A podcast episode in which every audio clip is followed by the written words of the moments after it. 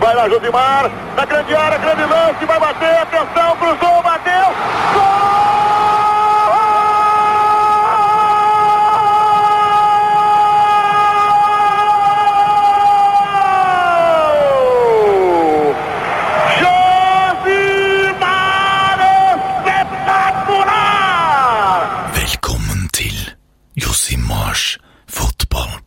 Velkommen til en eh, spesialutgave av Dritte Halbzeit. Um, vi har jo tatt oss en eh, slags eh, sommerferie her i redaksjonen.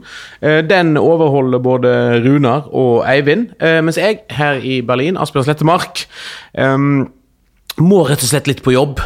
Uh, For det har skjedd noe helt spesielt i livene våre i Bundesliga i tysk fotball.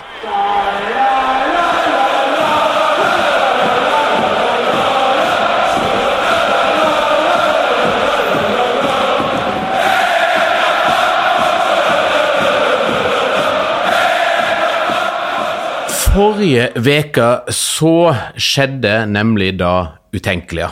Eh, Jeg skulle gjerne ønske jeg kunne si at jeg satt her på takterrassen min i Vest-Berlin og skua mot øst eh, og så at Union Berlin tok steget opp i eh, Bundesliga. Men nei, dessverre så var jeg i Gelsenkirchen den dagen. Var på en todagers liten eh, turné eh, til Ror for å se Rammsteins eh, turnéåpning på Feltins arena.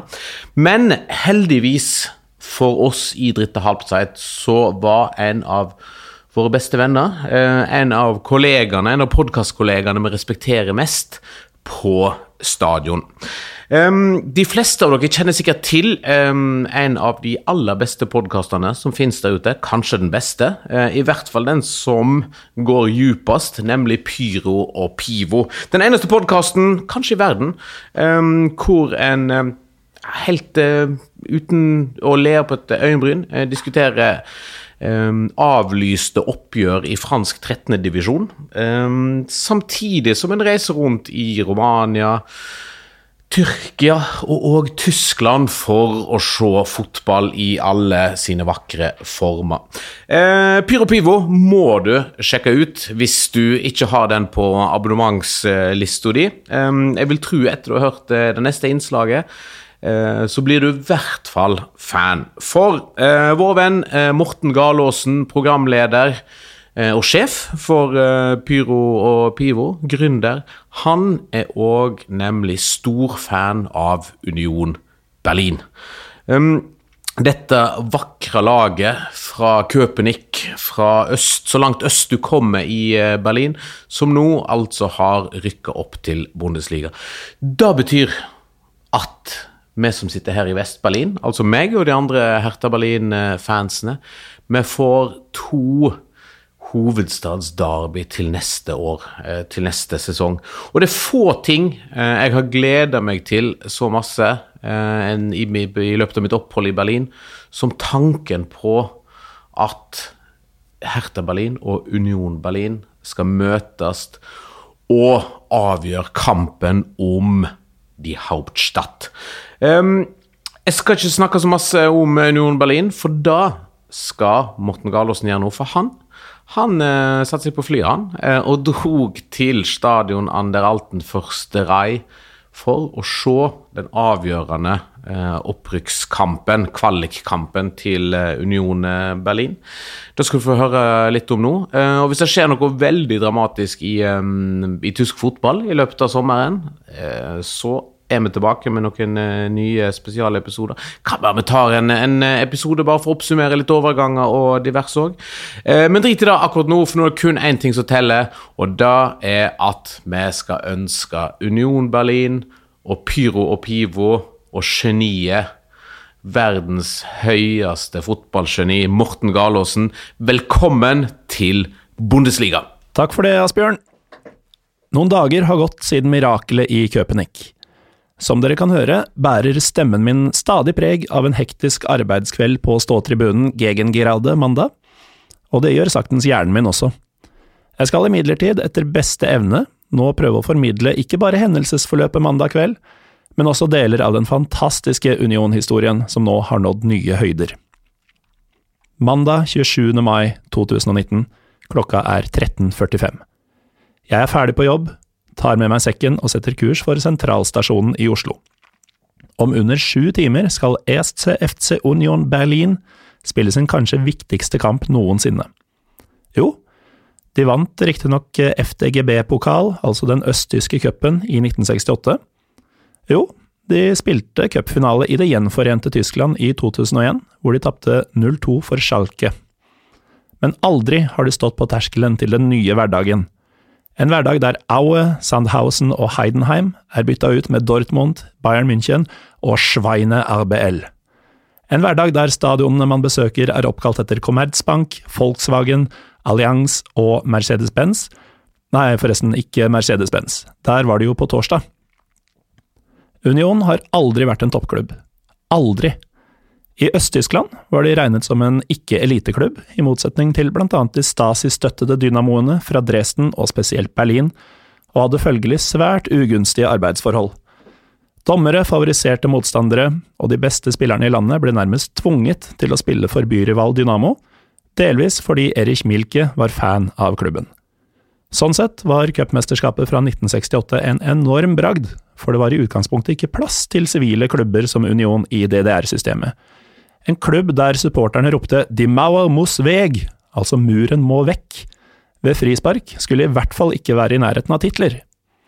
Dette cupgullet har inntil nå vært klubbens store stolthet, og da VFL Bochum besøkte Øst-Berlin i nest siste serierunde i fjor, markerte hele stadionet 50-årsjubileet for finalen med en enorm tifo over hele stadion. Siden murens fall har Union for det meste vært på andre og tredje nivå.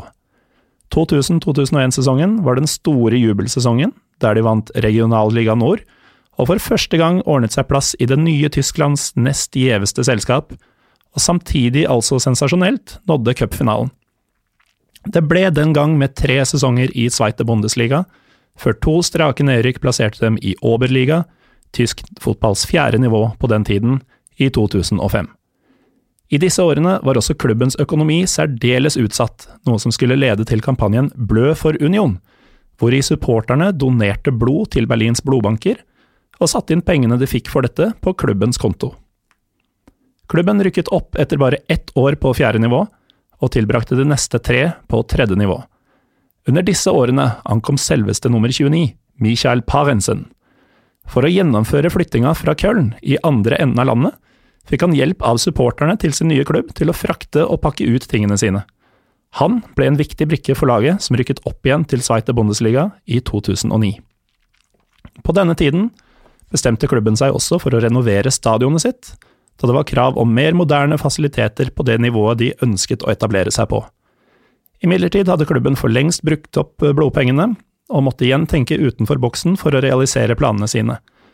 Løsningen ble at klubbpresident Dirk Zingler selv ledet byggeprosessen, mens arbeiderne besto av omtrent 2000 Union-fans, som la igjen 140 000 arbeidstimer for å bygge det som i dag er en unik miks av idealistisk perfeksjon som samtidig har alle fasilitetene den moderne toppfotballen krever. Som klubb var Union klar for et nytt nivå, men uten å gå på akkord med seg selv.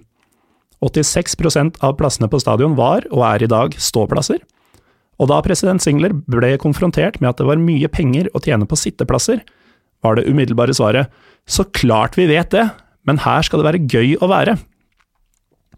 Union lyktes i å etablere seg på nest øverste nivå. Siden opprykket for ti år siden har den dårligste, dårligste plasseringen vært tolvteplass, og det var i klubbens år som nyopprykket. Laget har for det meste tatt små steg fremover, og våren for to år siden gikk de inn i en seiersrekke som førte dem helt opp i toppstriden. Rundt påsketider 2017 dukket opp et banner på Waldseite, kortsiden bak mål der de mest hardbarkede, herlige guttene og jentene står, hvor hun kunne lese følgende Scheisse, wir steigen auf! Grovt oversatt til Helvete, vi rykker opp! Mest humoristisk ment, men på denne tiden var det faktisk delte meninger i og rundt klubben om et opprykk var noe de ønsket. Hadde virkelig denne klubben noe i Bundesliga å gjøre? Og ville ikke et opprykk sette kult- og annerledesklubbstatusen i fare? Mandag 27. mai 2019, klokka er 19.57. Jeg går av S3 på Köpenick stasjon, kjøper en Berliner Kindle i kebabkiosken og begynner marsjen mot Stadion an der Alten Fösterei. For n-te gang sjekker jeg lomma for å forsikre meg om at kampbilletten jeg på mirakuløst vis har fått tak i, er der. For fire dager siden klarte laget 2-2 på Mercedes-Benz Arena i Stuttgart.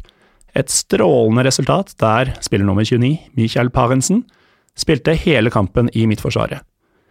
Vel vitende om at bortemålsregelen, bortemålsregelen gjelder i den merkelig unøyaktig titulerte relegation, er det ingen Union-supportere jeg møter på som ikke ønsker seg opprykk.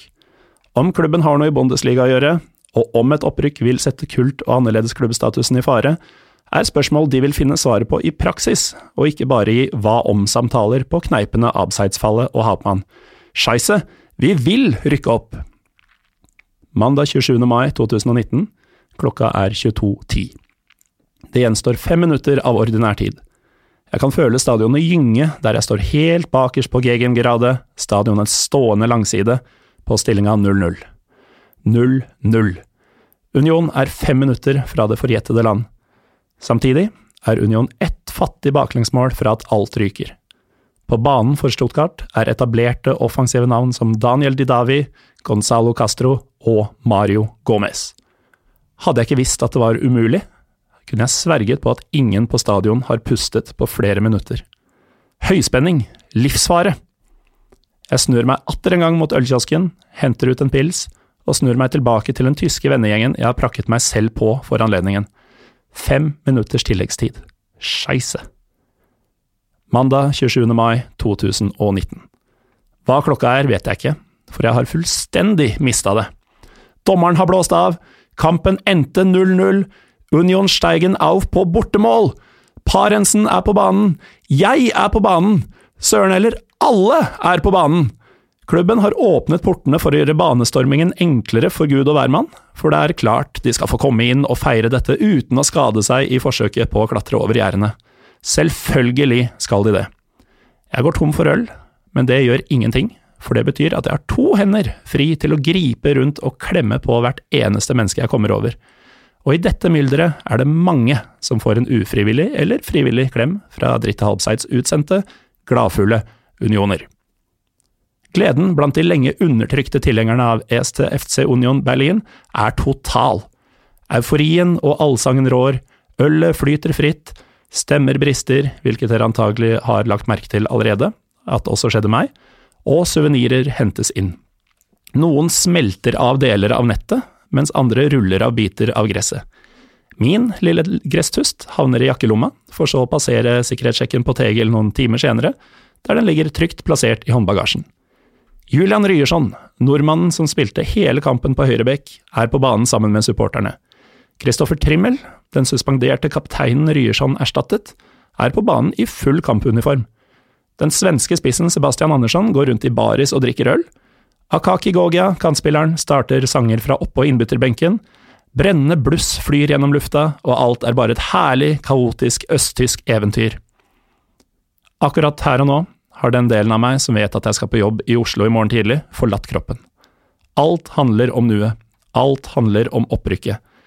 Jeg merker imidlertid at det er vanskelig å sette ord på dette, så jeg tenkte å avslutte med et lydklipp av meg selv, kort tid etter at jeg har tatt meg ut på banen, vi advarer mot det noen vil anse som feilinformasjon, samt noe bannskap.